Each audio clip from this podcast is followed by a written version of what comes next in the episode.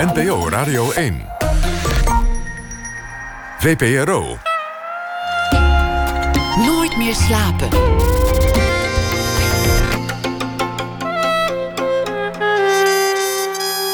Met Pieter van der Wielen. Goedenacht en welkom bij Nooit meer slapen. Het is een mooi beeld. Een man komt s'nachts thuis van zijn laatste talkshow. Zijn programma is van de buis gehaald. En eenmaal bij de voordeur, met een wijntje te veel op, treft hij voor dat huis een paparazzo, wachtend in de wagen, hopend op een foto van een verslagen presentator. Maar de paparazzo is in zijn wagen in slaap gevallen. Geen foto, geen schadefreude, al moest ik wel even grijnzen om de nederlaag van de fotograaf. Hoe het vanaf daar verder ging. De presentator gaat even de stad uit. Hij gaat wandelen en dat werd een project. Al wandelend interviewt hij mensen van prinsessen tot boswachters en het wordt een boek over bezinning, over natuur en over troost. Het werd naar eigen zeggen het mooiste jaar van zijn werkende leven tot nu toe. En een mooi boek, Wandellust. Maar wacht even. Gaan we nou midden in een corona-ophokplichttijd over wandelen praten? Ja, dat gaan we zeker. Want, blijkt uit dit boek, er zijn zelfs in dit kleine land nog plekken waar je niet elke anderhalve meter iemand tegenkomt. Ton Huis is hier te gast, geboren in 1964, presentator van Buitenhof. Daarvoor was hij eh, verslaggever in vele brandhaarden, presentator van vele programma's, eh, College Tour, Nieuwsuur, RTL Late Night. Ga zo maar door. Ton Huis, hartelijk welkom. Leuk dat je er bent. Dankjewel, wat een mooie inleiding. En wat, wat een leuke anekdote was dat. ja. Het, die man die dan denkt, ja, nou, dat zou toch een mooie foto zijn. Komt hij s'nachts thuis, dan hebben we hem maar mooi. Ja. Hopen dat het er sneu uitziet. Nou, ik, kom een, uh, ik geloofde aanvankelijk niet wat ik zag. Want het was half vier en jij zegt een wijntje op. Maar ik had een anderhalf jaar lang geen alcohol gedronken... vanwege dat werk wat best pittig is... als je iedere avond zo'n talkshow moet maken. En uh, ik had die avond wel heel veel gedronken. Ik was niet super dronken, maar ik was wel... ik was op de fiets naar huis toe gegaan... en ik zag die auto vreemd geparkeerd staan... onder de straatlantaarn voor mijn voordeur... En uh, het duurde een paar seconden voordat ik bij de deur was. En ik dacht van, het kan toch niet, het zal toch niet. En toen ging de deur open.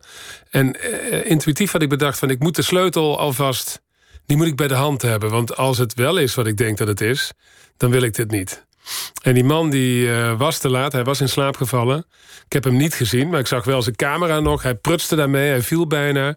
En toen smeekte hij bijna... Uh, Twan, kun je één foto maar... Alsof jij hem een, een, dienst zou bewijzen op dat moment. Toen dacht ik van, je bent gek. En uh, toen klapte ik de deur dicht. En was net op tijd. Maar goed dat die foto er niet is gekomen. Want, want ja, je weet al wat de tekst eronder wordt. En je weet al welk beeld mensen zoeken. En uh, ja, dat, dat, dat is niet een foto die je wil. Nou, er zijn in die periode wel meer foto's gemaakt uh, die ik niet wilde. Het was denk ik een hele periode waarin veel dingen zijn gebeurd waar je niet met plezier op zult terugkijken? Um, nou, ja, nee, er zijn, uh, er zijn leukere periodes geweest in mijn werk, vanzelfsprekend. Maar het rare is wel, om die, ik weet niet of ik te snel ga voor je, um, dat die anderhalf jaar, dat was natuurlijk was niet leuk. Het fijnste is als iets lukt. En als het een tien wordt en als het succes heeft... nou, dat had het niet, dat was duidelijk. Daar hoef ik niet geheimzinnig over te doen, dat weet iedereen. Maar uh, wat het heeft opgeleverd... is veel meer dan ik ooit had kunnen vermoeden. Want dit was een moment dat je, dat je ineens... Uit, uit een werkend leven vol ambitie... altijd gewerkt, altijd bizar hard gewerkt... een dagelijkse talkshow, dat is keihard werken... Dus je gaat van de, de zesde versnelling ineens naar stilstand. Je hebt ook nog een beetje een lege agenda, neem ik aan, op zo'n moment. Um, dat was niet helemaal stilstand, maar wat er wel gebeurde was, en dat wilde ik zelf ook, ik wilde, de, ik wilde vertragen. Je dacht even niks, even niet. Nou, niet even niks, want dat is ook dat is te veel. Weet je, dat is cold turkey en je bent toch bang dat er dan nooit meer iets komt. Um, het zou een beetje jong zijn. Hoe oud ben je nu? Ik ben net 56 geworden. Ja, dat is nog niet echt de pensioengerechtigde leeftijd. Totaal niet. Er moet nog wel iets gaan gebeuren. Ja, ja is ook weer aan de gang. Maar... Nee, dus ik had wel meteen een aantal um, ideeën van dit zou ik graag willen doen. Maar bij mij is het meestal te veel. Uh, ik ben te gretig. Dus ik wist wel, ik moet een paar dingen loslaten. Want het kan gewoon niet. Uh, ik moet iets doen wat, uh, wat bijna tegen mijn natuur in is. En dat is vertragen. En het, het idee wat al heel lang sluimerde was om, om een wandelboek te schrijven. Maar dat kon niet, omdat ik het te druk had met van alles en nog wat. Ik had er geen tijd voor. En nu dacht ik van ja, dit is het moment. Uh, 4 maart stopt het programma. Uh, die fotograaf was niet de enige. Er waren meer mensen die aan het loeren waren om een uh, gekke foto of een filmpje te maken. Dus toen ben ik het land uitgegaan, zoals je zei, naar vrienden in New Hampshire. En uh, daar was eigenlijk heel snel binnen een paar weken was het uh, de druk en de chaos in mijn hoofd... naar aanleiding van wat er gebeurd was, uh, verdampte. En daar begon ik met wandelingen alleen, s ochtends... voordat mijn vrienden bij wie ik op bezoek was, Camilla en Jamie... wakker werden, want ik had een fikse jetlag. Dus ik was om vijf uur wakker. En dan liep ik van vijf tot zeven bij hun door het landschap. Uh, ze wonen waanzinnig mooi. Het was uh, besneeuwd, uh, zonnig, strak blauwe lucht. En als ik terugkwam, dan nam een koffie en een ontbijtje... en dan ging ik in de bossen bij hun uh, uit de bomen halen. Had ik nog nooit gedaan. maple syrup heet het daar. Oh ja, ja, wacht even, dan ken ik het wel. Esdoornsap. Ja, ja nee, ik wist, al die hipster Ik moest thuis opzoeken wat maple syrup in het Nederlands was eigenlijk. Dat wist ik ook niet. Maar dat was een soort ja, dat was een heel fijn uh, retreat waar ik in terecht was gekomen. Je haalt een citaat aan van een van je vrienden en dat is: When the ego cries, the soul flourishes of heals. Rejoices. Rejoices. Ja, die, die is van Camilla, een vriendin van mij. En uh, wij pesten elkaar altijd. Zij pest mij vooral. Met mijn werk bijvoorbeeld. En uh, met de aandacht die, uh, die dat oplevert. Maar ze is ook heel erg geïnteresseerd in de gasten die ik had. Bijvoorbeeld voor College Tour. En toen ik mezelf uitnodigde om even weg te zijn uit Nederland... en een appje stuurde naar haar van... zou ik misschien bij jullie langs mogen komen? Ja, natuurlijk, je bent welkom wanneer? Nou, morgen. Morgen? Hoezo? Nou, de dit is er gebeurd. Oh. En toen um, liet zij meteen deze zin los. Uh, when the ego cries, the soul rejoices. Als het ego huilt, dan uh, viert de ziel feest. En dan moest ik even serieus over nadenken wat ze daarmee bedoelde. En ik, uh, ik las het op mijn telefoon en toen vroeg ik aan mijn vrouw Cheryl, die uit Engeland komt... snap jij meteen de bedoeling van deze zin? Ja, natuurlijk. Leg eens uit. Wat, wat, wat nou, bedoel je daar precies? We, wat bedoelt ze? we hebben allemaal een ego. Sommigen heel groot, uh, sommigen heel klein. Maar iedereen heeft een ego. Iedereen uh, wil graag gezien worden, gewaardeerd worden. Een applausje hier en daar ontvangen. En, uh, het gekke... Op dit park waar we nu toevallig zijn... zal, zal het zelfs nog iets Dit is het epicentrum het van epicentrum het ego, van ja. Egoland, ja. Uh, hoewel de meeste talkshows zitten natuurlijk in Amsterdam. Dus je zou daar moeten gaan zoeken. Dat is waar.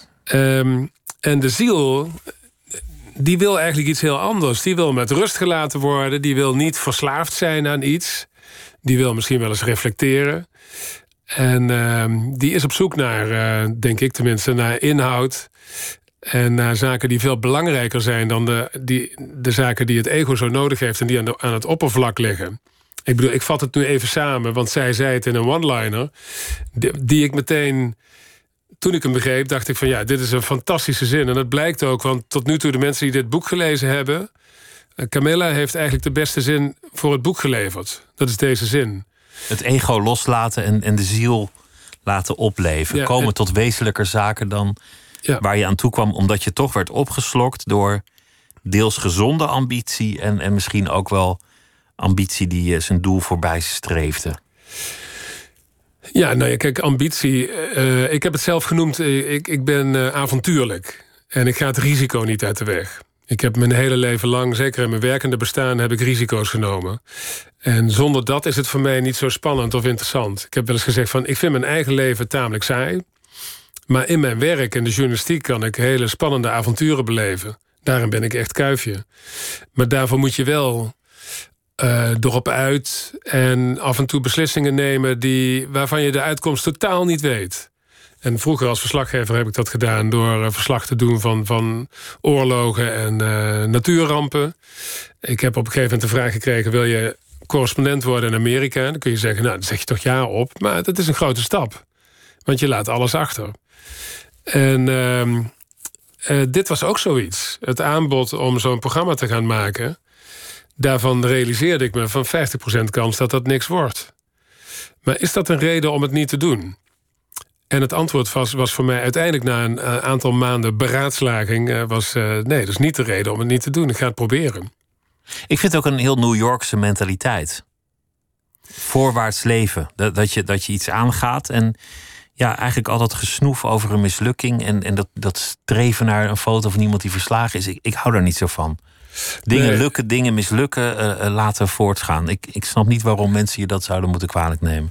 Nou, ik ben dat helemaal met je eens. Maar het feit is dat als iets niet lukt... en zeker in dit ehm, tijdperk waarin we nu leven... sociale media spelen daar een belangrijke rol mee- bij... maar het is belangrijk voor, eh, voor kranten en voor websites om kliks te hebben...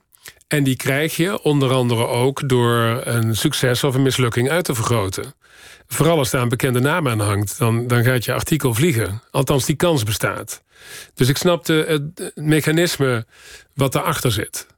Het is, niet, bedoel, het is niet persoonlijk. Het gaat erom dat, Dat, iets... dat is ook een wijsheid die je aanhaalt van Arno Gunberg. Neem dingen niet zo verdomde persoonlijk de hele Ja, tijd. dat vond ik heel mooi. Eh, Hij kreeg in zijn afscheidsinterview als columnist in de Volkskrant de vraag die ik altijd stelde bij College Tour aan het einde.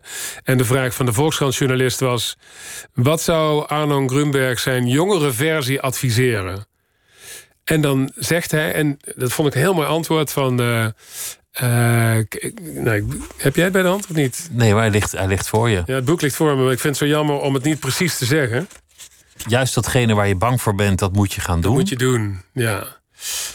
Nou, ik ga verzoeken, maar in ieder geval, dat is het. Waar je bang voor bent, moet je doen. Ga geen avontuur uit de weg. Eh, als je onderuit gaat, zeg het nu even in mijn eigen woorden...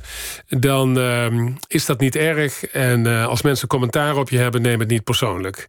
Want zonder commentaar leven is waarschijnlijk onmogelijk en niet interessant. En dat, dat antwoord heb ik opgeschreven op een briefje... en misschien niet geheel eh, toevallig naast mijn computer gelegd eh, in de kleedkamer van, van Late Night. Omdat ik misschien toch gedacht heb, dat zou ik nog wel eens nodig kunnen hebben, dit advies. Dit zou nog wel eens zo'n zo'n moment kunnen worden. Ja. Vertel eens over die anderhalf jaar daarna. Dat is misschien eigenlijk momenteel wel interessanter. Je bent gaan wandelen. Je bent, je bent dagenlang door Nederland ook uiteindelijk gaan lopen. Soms alleen, soms met anderen. Je hebt afspraken met mensen gemaakt. Soms als, als journalistiek project. Soms gewoon voor jezelf of met je gezin als bezinning. Eindeloos veel lopen in de natuur. Totaal vertragen. Ja, nou, de, het oorspronkelijke plan voor dit boek was ehm, om met mijn ouders te gaan wandelen en hun verhaal op te tekenen. Dat is lekker makkelijk als journalist, weet je wel. Dan hoef je niet over jezelf na te denken. Want het moeilijkste voor veel journalisten, laat ik voor mezelf spreken, is om over jezelf te praten. Altijd maar naar de wereld kijken, naar, naar dingen die misgaan of dingen die. Ja. En anderen heel ter verantwoording zijn, ja. roepen. En, eh, maar hoe kan dat dan? Nou ja, dus ik, mijn plan was, dat ga ik met mijn ouders doen. En dan ga ik hun levensverhaal optekenen. En dan zie ik wel wat er over mij uitkomt. En uiteindelijk, eh, of vrij snel, bij de, het eerste gesprek dat we voerden... was een heel erg leuk gesprek. Dat nam ik op op mijn telefoon. En toen zei mijn moeder na afloop in het Limburgs dialect... ja, maar wat ga je ze ermee doen dan?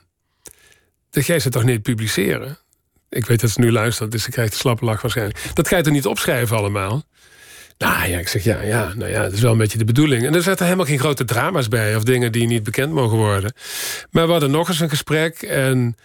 ehm, Eigenlijk was na, na drie, vier lange gesprekken... had ik hun levensverhaal met veel meer details gehoord. Maar toen dacht ik, ja, het is eigenlijk ontzettend particulier. Het is voor mij mooi. Maar ik weet niet of een lezer hier iets aan heeft.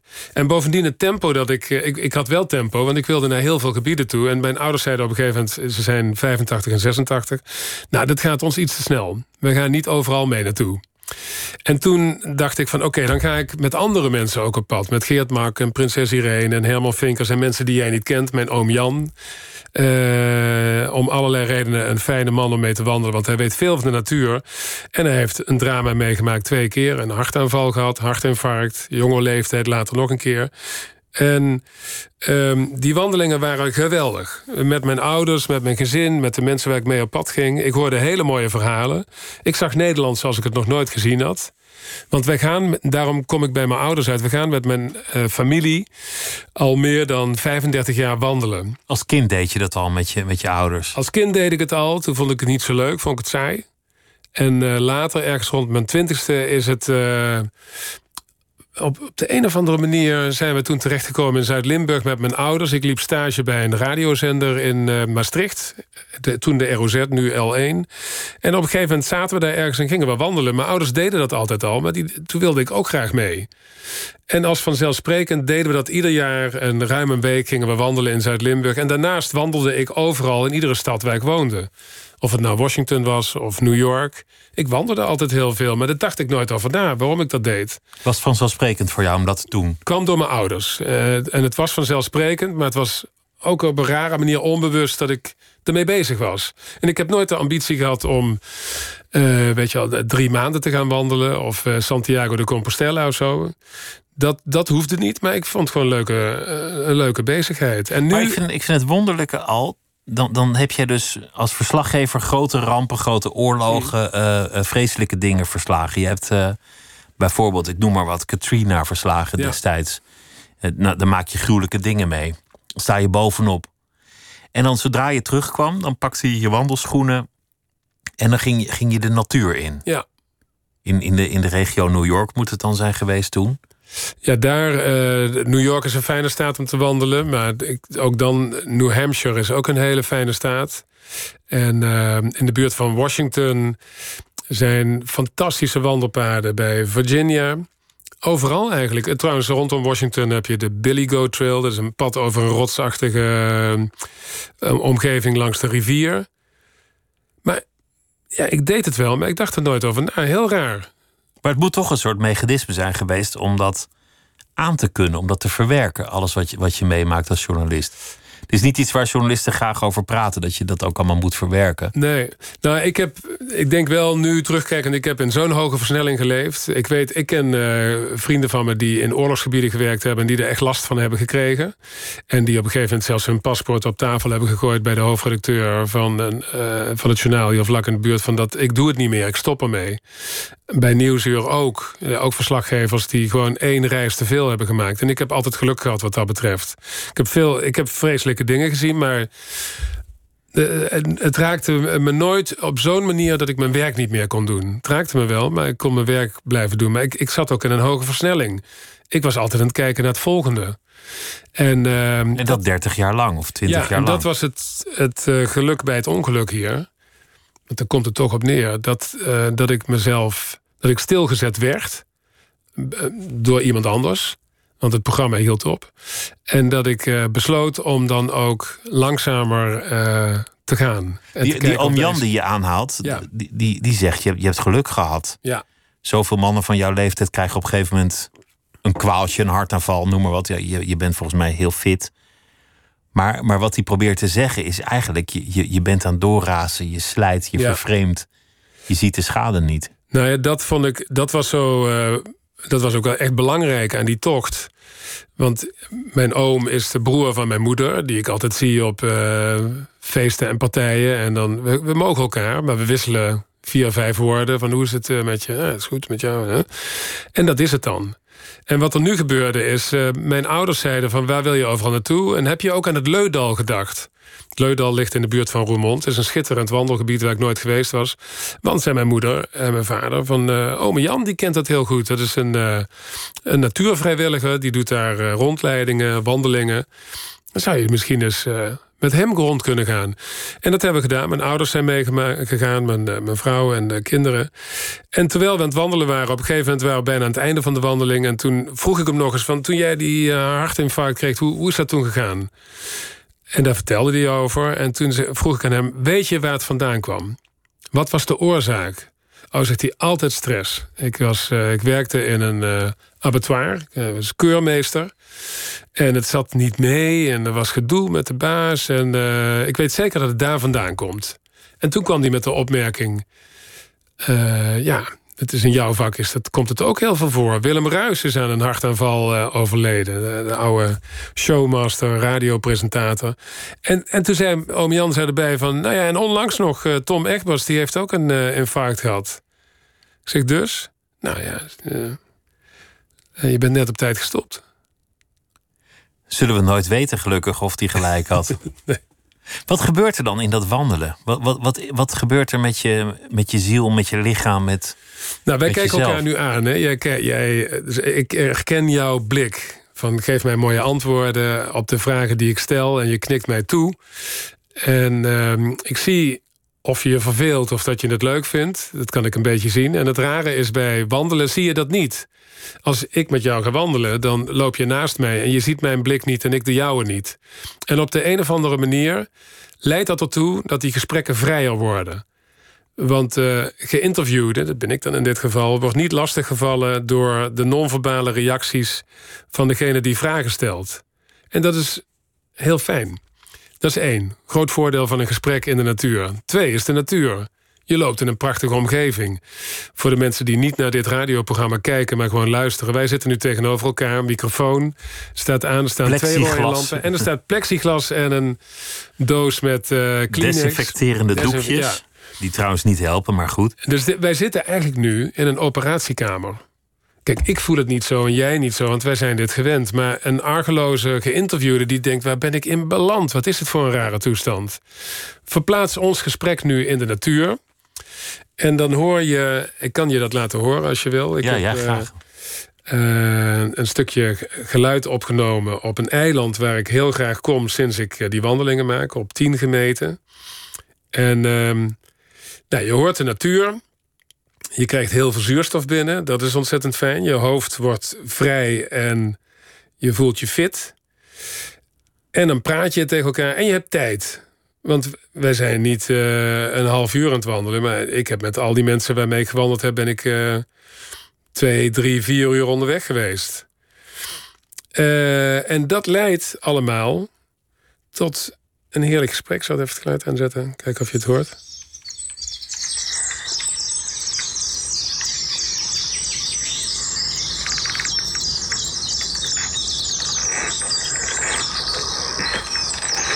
Gekraak, zijn mijn schoenen. Dat maakt nog best kabaal, die natuur, zeg. Dit is ochtends vroeg om uh, 8 uur. En wat je hoort zijn uh, koolmezen.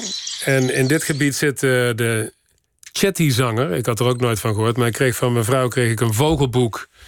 En iemand zei tegen me... Ehm, als je in een gebied bent en je ziet een vogel... doe er even een sticky note bij, bij die vogel. Dan heb, heb je die afgevinkt. Dan heb je die. En ik ben helemaal geen uh, vogelspotter of wat dan ook. Maar dat ben ik toch gaan doen.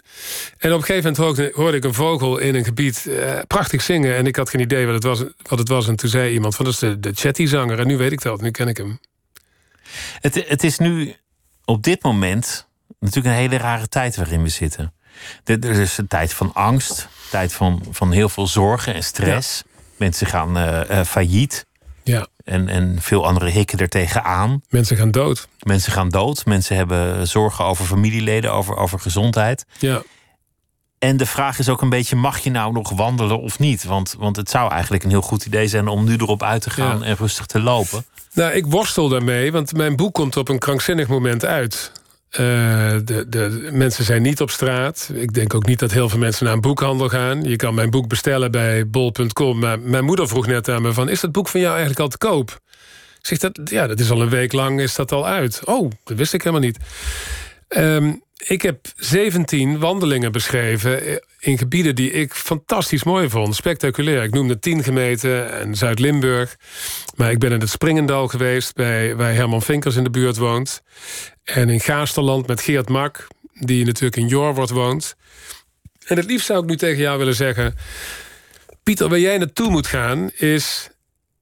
En dan zou ik uh, je willen vertellen waar ik vandaag geweest ben. En op weg hier naartoe dacht ik van... maar eigenlijk moet ik dat niet doen. Want dan wordt het weer te druk en dan kan je geen afstand houden. Nou ja, terecht is er natuurlijk uh, vorige week in het weekend gezegd... Door, uh, door de premier en anderen van... ja, maar jullie moeten niet allemaal tegelijkertijd naar hetzelfde punt gaan. En dan zou ik nu gaan zeggen van... wat ik ontdekt heb, die plek is fantastisch. Dus het enige wat ik kan zeggen, hier staan 17 mooie wandelingen in mijn boek. En dat, zijn, dat is een fractie van de mooie wandelingen die je kunt maken in Nederland. Maar dit zijn er 17 die ik heel mooi vind. Die raad ik aan, blind. Uh, maar ik kan niet zeggen nu tegen jou van ga daar nou morgen naartoe. Want dan is de kans dat daar 100 auto's staan en dat wil ik niet. Nee, want mensen parkeren altijd bij het pannenkoekenhuisje. En dan, ja. dan lopen ze een uur. Max? Ja, dat, mij, vertel, ik, mij werd verteld door een boswachter op 10 gemeten, Eduard Reuver. En die zei: Het jammere van de meeste wandelaars in Nederland is. En dat zijn er 10,4 miljoen volgens de Koninklijke Nederlandse Wandelbond. Die heb ik gebeld van hoeveel mensen doen dit eigenlijk. En die zeiden: 10,4 miljoen Nederlanders wandelen met regelmaat. Ik zeg zoveel. Dat is dan de grootste hobby die we hebben. Ja, dat is ook zo. En daar hebben we het nooit over, want het zit niet in Studio Sport. En het is geen competitie. Dus het is voor, voor de rest is het volkomen oninteressant voor mensen die van een sportelement houden. Maar zoveel mensen zijn er dus aan het wandelen in Nederland. Alleen, het merendeel van de wandelaars gaat naar een café, een pannenkoekenhuis of een uh, bezoekerscentrum van Staatsbosbeheer of Natuurmonumenten. Die wandelen anderhalve kilometer van die plek vandaan en lopen dan weer terug voor koffie en een stuk appelgebak. Letterlijk. Dat is zo zoals het gaat. Ga dat, je dat wordt nu te druk. Ja, ga je buiten die cirkel, dan is het in één keer muisstil. Dan kom je niemand meer tegen. Dat is de ontdekking die ik gedaan heb voor mezelf. De meeste wandelaars weten dit al lang, maar ik wist dat niet. Je hebt muziek meegebracht die ook past in deze tijd van, uh, van zorgen en bange dagen. Life is Beautiful van Cap Mo. Zullen we daar naar luisteren? Ja.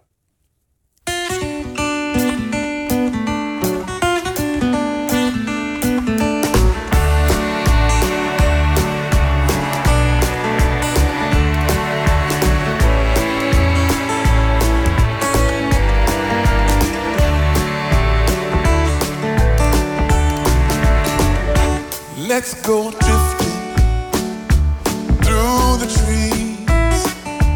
Let's go sailing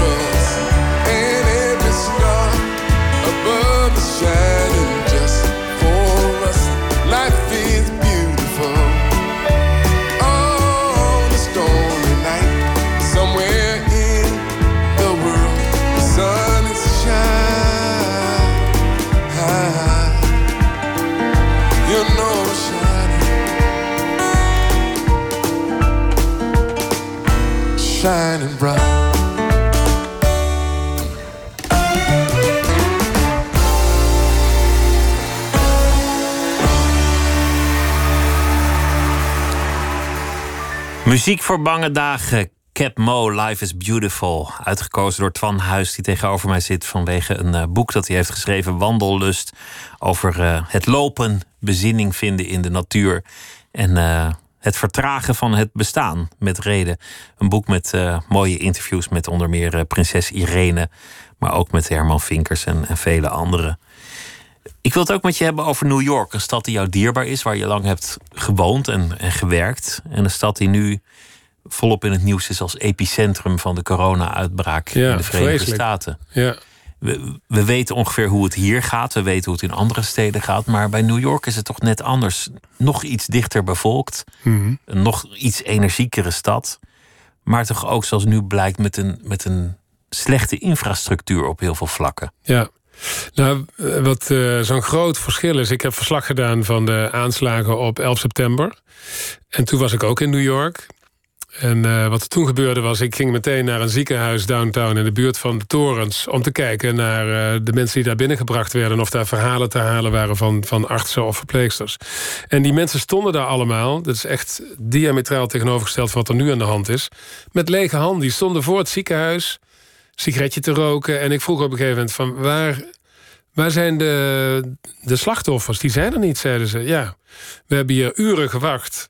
Maar ze liggen allemaal onder het puin. Ze zijn dood. En we hebben niemand binnengekregen. En nu is het het omgekeerde. Nu is er een ramp van epische proporties... Die, waarbij 11 september in het niet valt. En nu kan niemand het meer aan. En eh, zijn eh, mensen met belachelijk weinig materiaal... in die ziekenhuizen met man en macht proberen ze te doen wat ze kunnen. En ze kunnen bijna niks. En, en ze raken zelf allemaal besmet. Het is een horrorshow van de eerste orde. En eh, de vrienden die ik heb in New York... Die, diegenen die zich uit de voeten konden maken, zijn weg. Die zijn naar een, een, een weekendhuisje wat ze hebben. En de vrienden die... Een goede vriend van mij, die cameraman is... die probeerde ik te bellen voor dit programma. Die nam niet op. Die is of aan het werk... Of, ik weet het niet. Hij heeft twee jonge kinderen in de, in de leeftijd van mijn kinderen. Het is afschuwelijk. Het is afschuwelijk wat er gebeurt daar. Het doet me ook denken aan eh, Katrina, toen jij daar verslag van deed. Toen de centrale overheid eigenlijk de lokale overheden in de steek liet. Ja, Met de rug stond naar wat er daar gebeurde. precies hetzelfde nu weer. Ja, daar lijkt het wel op. Nou, het is zo. Het is één op één hetzelfde. Eh, bij Katrina heeft eh, de toenmalige president eh, George W. Bush...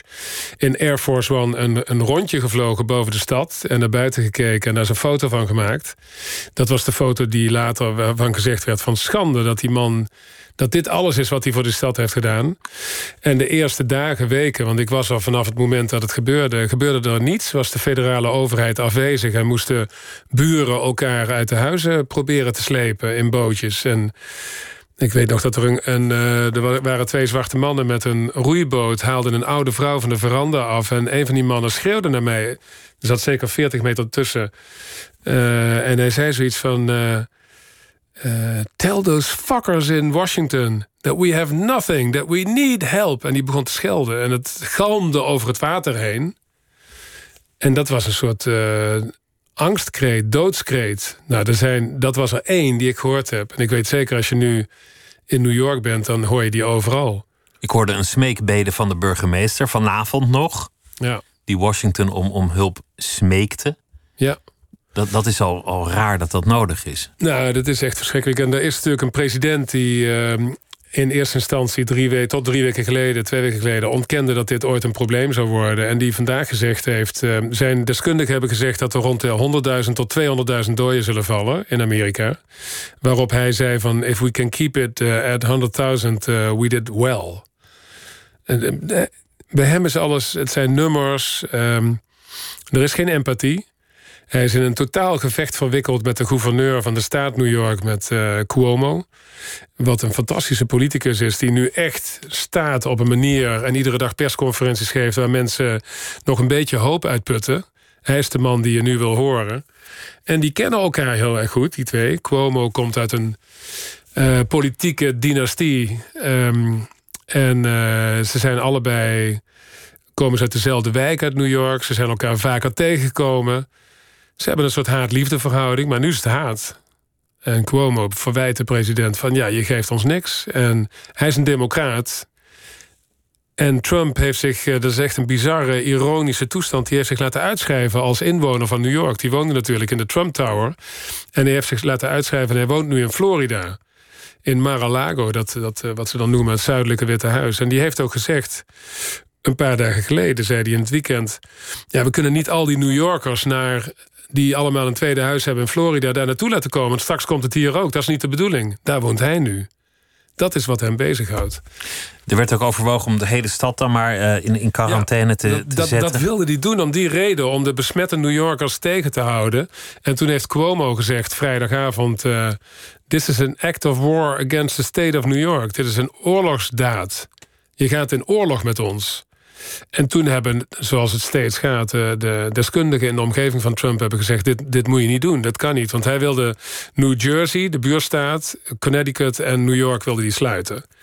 Omdat dat uh, gebieden zijn waar veel mensen besmet zijn. Nou ja, dat is natuurlijk.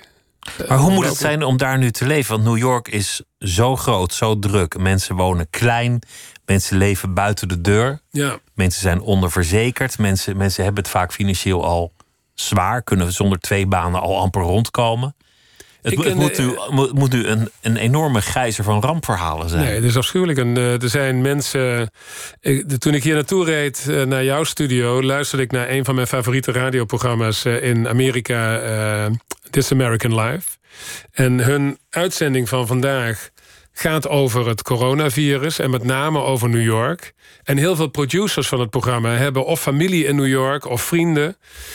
En ik kan je alleen maar aanraden, luister naar het programma. Ik heb uh, kippenvel gehad onderweg. En ik dacht echt van, wat, ga ik nou praten over een wandelboek... terwijl dit soort uh, tafereelen zich allemaal afspelen. Maar het gaat inderdaad over mensen die opgesloten zitten... in een appartementje van 30 vierkante meter. En waarvan de vrouw, een echtpaar uh, met een kindje, een kleine kind... en de vrouw is besmet met corona, die ligt al een week lang in de slaapkamer... En die man die moet proberen om dat kindje uh, ja, te entertainen. Die is helemaal kapot. En die geeft een interview en die barst om de havenklap in tranen uit. Want hij zegt op een gegeven moment... Ik heb gehoord uit Wuhan dat die longen van een coronapatiënt eruit zien... alsof ze van kristal zijn. Uh, het longweefsel wordt zo aangetast dat het niet meer meebeweegt. En alle flexibiliteit is eruit. En ik ben zo bang dat ik het nu ook krijg... en dat het kindje hier alleen achterblijft... en mijn vrouw en ik overlijden... en dat er helemaal niets geregeld is voor dat kind. En ik wil eigenlijk al mijn financiële paparassen... wil ik nu toesturen aan jou, degene die hem interviewt... zodat jij dat kunt oplossen als wij hier komen te overlijden. Er is gewoon sprake van doodstrijd, van wanhoop, van ellende. Hartverscheurend. Ja. En je zag vandaag uh, de beelden van een uh, man die in Brooklyn voor een uh, ziekenhuis stond. En die met zijn telefoon filmde hoe de lijken uit de achteruitgang van het ziekenhuis in een koelwagen en een vrachtwagen werden geladen. En op een gegeven moment kon hij bijna niet meer filmen. Hij zegt ook van I'm shaking, I'm shaking. It's so, it's, it's devastating, it's a drama. Want het blijft maar doorgaan met die dode mensen die naar binnen geladen worden in die vrachtauto. Is bij, is bij jou die, die oude journalistieke jeuk die er altijd is geweest dan toch weer terug. Ik kan me niet, kan me niet voorstellen, want, want je had het over vertragen en hoe goed het was om, om even pas op de plaats te doen en te wandelen. Maar als iemand jou belt van wil je nu een reportage maken, dan, dan spring je vermoedelijk al in, in het vliegtuig als je er een kan vinden. Nou, dat is wel een goede vraag die je daar stelt. Maar de, het antwoord daarop is: ja, ik wil heel graag verslag doen van alles wat er gebeurt. Want die, die honger is natuurlijk nooit weggegaan. Nee, maar we hebben gisteren in Buitenhof, gisteren presenteerde ik Buitenhof en daar hebben we alleen maar gasten gehad over dit onderwerp. En nu confronteer je me met iets waar ik nog niet aan gedacht heb. Want ik vertel je dit verhaal over New York. En ik heb op weg hier naartoe geen seconde gedacht: hier wil ik nu bij zijn in deze stad. Terwijl vroeger had je, had, je, had je gebaald dat je er niet bij kon zijn als er iets gebeurde in de nee, wereld. Nee, maar hier is iets heel anders aan de hand. Ik heb bij gevaarlijke, in gevaarlijke situaties gezeten. Maar dit is anders, omdat als je nu in de stad bent... Uh, dan weet je dat de kans heel groot is in New York... dat je getroffen wordt door dat virus. En ik ben 56. Ik ben niet een jongetje van, uh, van 20. Dus toch al een beetje risicogroep in die zin? Nou, ik ben... Nou, ik, ik bedoel, mijn longen functioneren voor zover ik weet goed, maar... Uh, iedereen wordt getroffen hierdoor. Dus als ik niet getroffen word, dan worden misschien mijn kinderen of mijn vrouw, als je daar met je familie zit. Dat is natuurlijk een afschuwelijke gedachte. Dus ik zou me onwaarschijnlijk onveilig noemen, voelen als ik nu in New York zou zijn. Maar de vraag die ik eigenlijk bedoelde te stellen is: Ja. we hadden het over jouw enorme ambitie. En, en het citaat van, van, eh, van het, het ego helpt, maar de, de ziel viert feest. En je zei van het is eigenlijk heel goed dat me, dat me zo'n periode van verstilling is gebeurd. Mhm. Maar ik dacht tegelijk, die, die kan nooit lang duren. Die ambitie kan nooit weg zijn. Nee, de, ik zou ambitie willen vervangen. Ik krijg dat heel vaak te horen van jij bent zo'n, eh, je bent zo veramerikaniseerd en je bent zo ambitieus. Dat is niet Nederlands. Ik geloof niet dat dat zo is. Ik denk dat er hele generaties eh, mensen zijn nu, vooral jongeren, die ook heel ambitieus zijn. Maar ik vervang het woord liever voor ik ben extreem nieuwsgierig. Ik wil het liefst daar zijn waar iets gebeurt wat journalistiek interessant is. En daar, Of, of spreken met degene die er op dat moment Ja. toe doet aan een tafel. Ja, ik, heb, ik wil heel graag weten wat er aan de hand is. Eh, liefst zo snel mogelijk, liefst als eerste, ook al kan dat niet. En dat is er nog steeds. Dat wil ik nog steeds heel graag. Alleen bij deze crisis, om nu naar New York te gaan, ik weet het niet. Ik heb in 2003 als correspondent verslag gedaan van het SARS-virus in Toronto. En eh, ik weet nog dat we met... eh, ik zat met de cameravrouw zat ik op het vliegveld in New York... en we hadden een heel leuk gesprek. En op een gegeven moment kwam het vliegtuig en dan stapten we in... en we stapten uit in Toronto. En alle eh, plekken waar het virus was, in ziekenhuizen en in de Chinese wijk in de stad... daar was alles afgeschermd. Daarom is het ook zo goed gegaan uiteindelijk. En toen we terugkwamen eh, en onze reportage hadden ingeleverd... die was uitgezonden, toen hoorde ik op, dat op de redactie in Hilversum... bij Nova, eh Nieuwsuur heette toen Nova... dat er mensen waren die dit volkomen onverantwoord vonden... dat wij daar naartoe waren gegaan. En had ik geen seconde bij stilgestaan... dat het wel eens mij kon treffen. Dat is wel veranderd. Dat, dat denk ik nu niet zo makkelijk meer. Ik ben minder lichtzinnig. Daar kan ik me iets bij voorstellen. Ik vraag me af in hoeverre, maar dat zijn vragen waar je niks mee kan. In hoeverre het ooit weer hetzelfde zal zijn. Voor New York... Voor, voor ons, voor iedereen. De manier van denken, de manier waarop onze samenleving inrichten, naar ons leven kijken, naar onszelf kijken. Ik denk dat ik daar een economie antwoord op heb, hoe het zal zijn.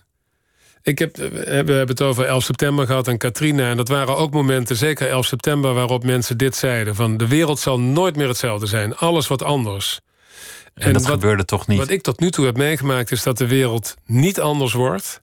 Dat we heel snel vergeten wat er gebeurd is. En dat we heel snel terugvallen in onze oude gewoonten... en, en gedrag en routine. En dat moet ook wel, want als je permanent het drama mee zou slepen waar je bij hebt gestaan of wat je mee hebt gemaakt, dan kun je niet meer verder leven. Dus het is ook een soort eh, afweermechanisme of een survival mechanisme. Dus ik denk, het positieve is volgens mij dat eh, corona houdt een keer op. Het gaat nog wel even duren. En eh, daarna zullen we heel graag weer terug willen. En terecht ook naar dat dit plexiglas tussen ons weg is. Dat we elkaar een hand kunnen geven. En dat we in een bar waar we elkaar ooit een keer ontmoet hebben... want dat is gebeurd bij ons in Parijs... dat we daar weer een keer een lekker glas wijn kunnen drinken. Met honderd mensen erbij. Het voelt nu onwerkelijk, maar Ja, en toch gaat het gebeuren weer. We gaan winnen van corona. Dat weet ik zeker. we De- van wetenschap is, is slimmer dan dit. Zeker. Je, je begon met, met een boek over je ouders. Dat was je eerste idee. Totdat, totdat je moeder een beetje roet in het eten gooide en zei: Ja, leuk die ambitie voor jou dat, om, om dat boek te schrijven. Maar wie zegt dat ik dat wil? Of, of iets van die strekking. Je bent, bent opgegroeid in Limburg. Een, een, eh, je, je vader was leraar. Je ouders die waren wel geïnteresseerd in de wereld. Je belt ook nog steeds met je, met je vader over alles wat je doet, zo'n beetje, na elk interview. Met allebei, want eh, ze hebben de telefoon altijd op de luidspreker staan. Dus eh, En dan, praten ze stereo mee over, over jouw uitzending. liefst door elkaar heen. En dan ga jij naar huis intussen en dan, dan is dat een soort evaluatie van je. Nou, dat was bij, eh, bij Nieuwsuur was het zo. Dus als ik een uitzending gepresenteerd had... om dat saaie stuk van Hilversum naar Amsterdam te overbruggen... en omdat het ook leuk was, belde ik dan... zodra ik de slagboom door was hier op het mediaterrein... dan belde ik naar mijn ouders. En wat voor kritiek hadden ze dan? Nou, weinig. Mijn ouders zijn... eh, die hadden niet veel kritiek... eh. Waren gewoon trots op jou, maar, maar waarschijnlijk ook gewoon inhoudelijk geïnteresseerd in, in, in het nieuws. Ja, maar meestal ging het daar niet lang over. We hadden het even over het programma als er iets bijzonders gebeurd was. Maar je kunt ook maar zoveel vertellen over zo'n uitzending. Weet je, mijn ouders zijn nieuwsbeesten. Dus die hebben vanaf ochtends tot avonds Radio 1 aan. Die zien veel meer talkshows dan ik. Eigenlijk zijn ze beter geïnformeerd dan ik. En daar hoeft het niet lang over te hebben. Dus vaak was het ook wel zo van... Nou, dat is een leuk gesprek, maar dat hadden we natuurlijk vanochtend om acht uur ook al gehoord. Dit wisten we al een beetje. Wisten we al een beetje. Dus daar ging het dan niet zo lang over. Het was gewoon... eh, ja, het was een gewoonte die overigens ooit begonnen is in, ehm, tijdens mijn correspondentschap. Omdat ik toen, ja, dat klinkt bizar... zeker wilde weten dat een reportage ook was uitgezonden. En, en het is allemaal pre-internet en eh, snelle verbindingen. Dus dan belde ik naar mijn ouders van... eh, Heeft hij de uitzending gehaald? ja, zat het er ook in? Terwijl de eindredactie al lang gezegd had, het gaat mee. Maar misschien zeiden ze dat ook wel omdat ze dachten... die kan het toch niet controleren vanuit daar. Dan, dan Ja. schrappen we het, want zo goed vonden we Nou, het niet. Wantrouwend als ik ben, belde ik dan even naar huis... om te zeker te weten dat het ook uitgezonden was. En die gewoonte hebben we erin gehouden. Dus we bellen elkaar eh, na een uitzending. Alleen, ik heb nu geen dagelijkse uitzending meer of wat dan ook. Dus, eh, maar ik heb ze nu even onderweg gebeld. En ik was zo gegrepen door dat radioprogramma... wat ik hoorde over die misère in eh, New York... En het ging ook, iemand vertelde ook het verhaal, dat was een afschuwelijk verhaal. Een, eh, een vrouw die, haar moeder had ALS. En die moeder eh, ligt al twintig jaar aan een beademingsapparaat. Die kan niet meer zelfstandig ademen in een verpleeghuis. En die dochter eh, heeft een week geleden te horen gekregen... je mag niet meer het verpleeghuis in, want als jij de ziekte meebrengt... is je moeder meteen dood. En dat, was, dat vond ze vreselijk. En ze was heel bang dat het beademingsapparaat zou worden geconfiskeerd... voor een jongere patiënt. Dat was irrationeel, want dat had niemand gezegd. Maar heel raar, ik hoorde dat verhaal. Ik was gegrepen door het verhaal. Ik dacht, ik bel even naar huis om te kijken hoe het gaat. Want dat, dat ging dan ook een beetje over jouw ouders natuurlijk. Die worden ook ouder. En dan denk je misschien ook in die zin van... Zeker. van god, dat wordt ineens berekend allemaal. Ja, nou ja, ik, weet je, de verhalen de afgelopen dagen gaan hierover... dat eh, sommige mensen op leeftijd gebeld worden door een huisarts van... eh, wat wil je? Of eh, eigenlijk hebben we geen ruimte meer op een IC straks. wat zullen we doen? Dat is toch gruwelijk? Die mensen hebben een leven lang premie betaald. Ja. Leven lang geprobeerd gezond te leven, ga ik vanuit. En dan gebeuren- ineens dat telefoontje. Ja, maar er gebeuren allerlei dingen nu die we, niet, die we ons niet meer kunnen voorstellen. Of ik heb drie weken geleden tijdens een etentje tegen vrienden gezegd... omdat ik een nieuwsjournalist ben en waarschijnlijk iets te dramatisch eh, van aanleg... eh, het houdt rekening met het wat onwerkelijk lijkt nu... dat dat werkelijkheid kan worden. En het was misschien een gok of intuïtie of eh, drama, ik weet het niet... maar dat is nu gebeurd. Dus er gebeuren nu iedere dag dingen waarvan je nooit had kunnen dromen dat we die zouden meemaken. Inderdaad, dat ouderen in Nederland gebeld worden door mensen die, ehm, eh, ja, die mensen beter moeten maken van wat zullen we doen als het zover is. Dat hadden we niet kunnen bedenken. En toch met in het achterhoofd, althans zo klinkt het... de berekening van kunnen we wat bedden sparen... Ja. en wat machines sparen. We hebben elk plekje nodig. Nou ja, er is gewoon te weinig. Niemand heeft hier rekening mee gehouden. Ik bedoel, de, de CEO van Philips eh, vertelde zondagavond dat twee weken geleden eh, de Nederlandse overheid pas gevraagd heeft om beademingsapparatuur.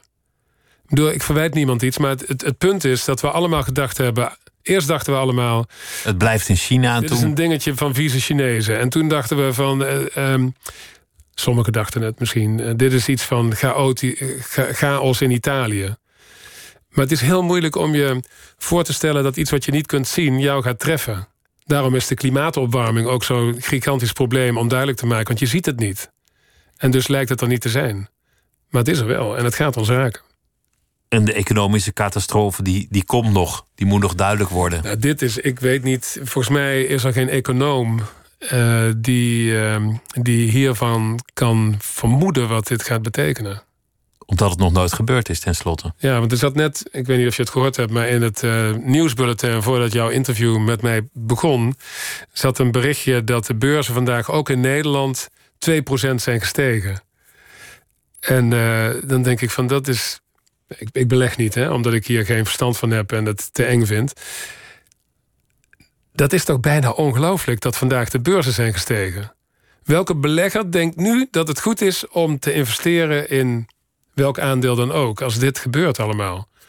Je kan zien dat ik er geen verstand van heb, want waarschijnlijk moet je het nu juist wel doen, ik weet het niet. Maar ik vind dat nogal wat. Het klinkt als goed nieuws, terwijl dat misschien helemaal niet zoveel zegt op dit moment. Dat, dat die beurs een Nee, de beetje beurs stijgt. is natuurlijk eh, een achtbaan van emoties. Ook, zoals iedereen die heeft. Maar ja, eh, jij zei net, eh, de, de, de, het kabinet gaat het verlengen nog allemaal. De 6 april wordt eh, 6 mei, wordt 6 juni, misschien wordt het wel 6 juli. Misschien wordt het wel dit hele jaar.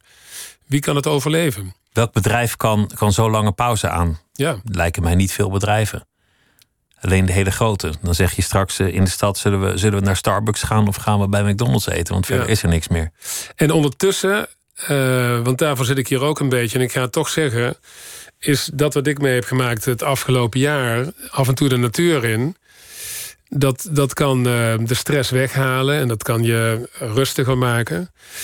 En eh, nee, we moeten niet allemaal naar dezelfde parkeerplaats met 100 auto's. Maar, en di- dit land is piepklein, is een postzegel... en toch zijn er heel veel plekken waar je in stilte kan wandelen... in de natuur op dit moment. Het voelt als iets dat, dat past in dit moment om gewoon een soort bezinning op jezelf toe te passen. Om, om inderdaad, heel veel mensen hebben het over de verstilling, over de rust die ze ineens aantreffen in de stad, in hun eigen leven. Maar het is angstaanjagend, hè? Bezinning en reflectie is ontzettend eng.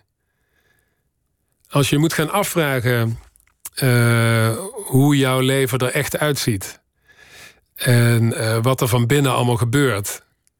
Want er is zoveel afleiding de hele dag door, zeker met eh, mobiele telefoons nu, dat er eigenlijk geen reden is om over jezelf na te denken of wat je aan het doen bent. En nu gebeurt dat. Bij iedereen een beetje. En misschien ook bij een hele samenleving. Ja, dat, is, dat kan tot iets heel moois leiden en tot iets vreselijks leiden. Zal uiteindelijk bij jou niet binnen no time alles weer zijn zoals het altijd was? Druk, gejaagd, veel te hard werkend, veel te veel uren makend, altijd bezig. Ehm, ik denk het niet, want de, de situatie heeft zich al voorgedaan dat ik kon intekenen op eh, projecten die dagelijks me van de straat zouden houden eh, en eh, waarmee ik iedere dag aan het werk zou zijn. En daar heb ik toch nee tegen gezegd. Je dacht toch, ik wil het echt anders doen. Ik wil dat niet meer. Niet meer in die race Ik stappen. wilde in ieder geval eh, dit boek afmaken op een, op een manier die ik eh, in maart vorig jaar bedacht had. En ik wilde tot die tijd sowieso niet intekenen op iets dat ook maar in de verste verte leek op een dagelijks programma op de radio of televisie of één keer per week. Ik dacht van ik moet het niet doen. Ik moet eerst eh, dit project helemaal afmaken. Anders zou het onzin zijn geweest. Dan klopt er iets niet. Het is zo'n mooi, mooi contrast tussen waar je vandaan komt en waar je terecht kwam. Ja. Dat je dan uit, uit, uit het zuiden van Limburg komt, dat jullie thuis ook dialect spraken. Ja. Dat je dan in New York komt te wonen en dat je uiteindelijk echt in het centrum van, van de aandacht zit. Dat je, dat je het gemaakt hebt. En het lijkt ook wel alsof een soort verhouding bestaat tussen die, die tomeloze drive die je altijd had en het feit dat je een beetje uit, uit de periferie kwam. Is dat zo? Mm, dat hoor je wel vaker van mensen die. ehm, je hoort vaker, tenminste wat ik vaak gehoord heb van mensen die een hele grote carrière hebben gemaakt, dat ze vroeger gepest werden op school. Nou, dat was bij mij niet aan de hand, tenminste niet eh, bovenmatig. Eh, wat wel speelt is dat Limburg natuurlijk, waar ik vandaan kom, door mensen van boven de rivieren gezien wordt als een soort wormvormig aanhangsel. Eh, het is het zuiden. Eh, het is net zoals Zuid-Italië. Of eh, vaak is het zuiden natuurlijk een beetje achterlijk. Een beetje zoals. Napoleon van Corsica kwam. dat je het dan wil maken in de Met hoofdstad. hem zou ik me niet willen vergelijken. Nee, nee, goed. Maar ik snap, Maar- maar ja, nee, we, we, we hebben het over Ambitieuze mensen bedoelen we. Ja. Ik weet niet of dat nou... Ja, dit- dat woord ambitie, dat gebruik jij heel vaak. Maar ik zou het toch willen houden op... eh, Gretigheid, honger. gretig en nieuwsgierig. En op een gegeven moment dacht ik van... nou, de provincie heb ik nu gezien. Nu zou ik... Het zal wel niet lukken, maar ik probeer in Amsterdam terecht te komen. En toen dat gelukt was, dacht ik van... nou, dan probeer ik nog in het buitenland terecht te komen. New York zal wel niet lukken, maar ik ga toch proberen. En dat is ook gelukt. Alleen, ik heb de route nu teruggemaakt. En dat had ik eigenlijk nooit verwacht dat dat zou gebeuren. Dat ik terug zou gaan naar eh, de natuurgebieden van mijn jeugd... waar ik met een eh, schepnet en een emmer rondliep... om stekelbaarsjes uit een beek te halen. En daar heb ik nu weer rondgelopen met, ehm, met bijvoorbeeld Jacques Poels... de, de leadzanger van Neerzen. Van Rowan Hesse. Eigenlijk, eigenlijk iemand met wie je best wel veel deelt. Nou, het gekke is, eh, hij wilde nooit weg uit Amerika, uit Horst Amerika. Ik kom uit Horst en zijn dorp Amerika is onderdeel van Horst. En hij is nooit verhuisd. Eén keer een paar weken naar Venlo en eh, toen is hij gillend gek eh, geworden en teruggegaan weer naar Amerika. En ik kon me tot vorig jaar niet voorstellen dat iemand dat kon. En eh, nu hebben we daar ook langer met elkaar over gesproken en nu snap ik het wel. Wat niet wil zeggen dat ik het ga doen, maar ik snap nu heel goed waarom hij nooit weggegaan is. En dat is, had, had je het bij jezelf kunnen vinden? Nou, wij zijn anders gebouwd, maar hij is nooit weggegaan. Maar hij heeft vanuit de, de standplaats Amerika heeft hij de hele wereld bekeken. Hij durfde niet zo goed te vliegen, maar hij is toch naar uh, Houston uh, geweest... en Texas en Austin. Hij heeft hij opgetreden met uh, de band. En toen ik hem interviewde, zei hij van... zo'n leuke reis achter de rug. Ik ben net terug uit Japan met mijn vrouw.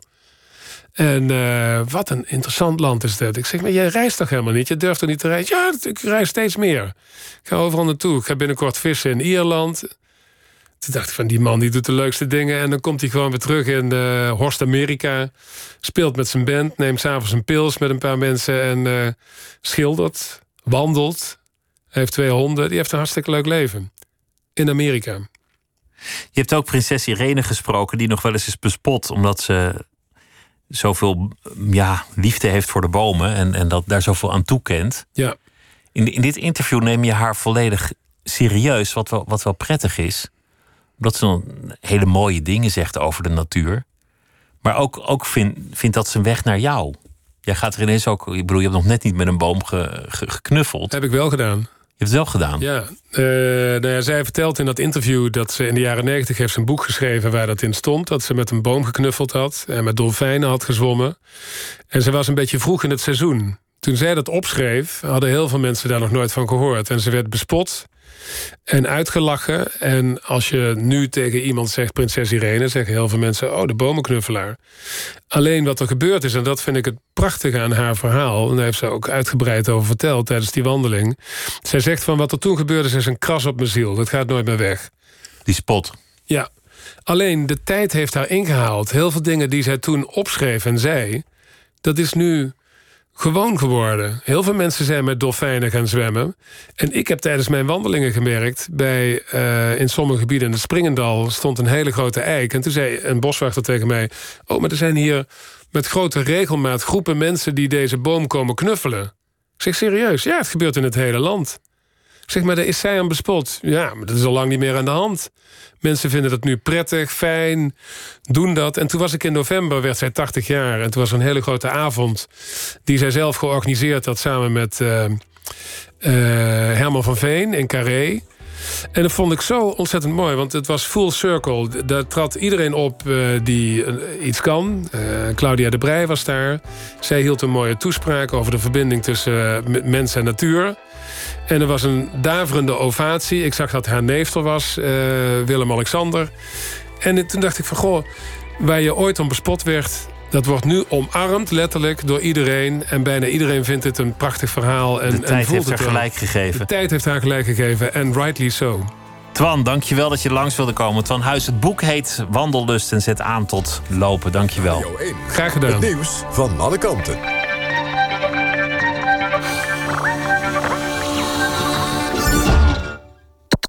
NPO Radio 1.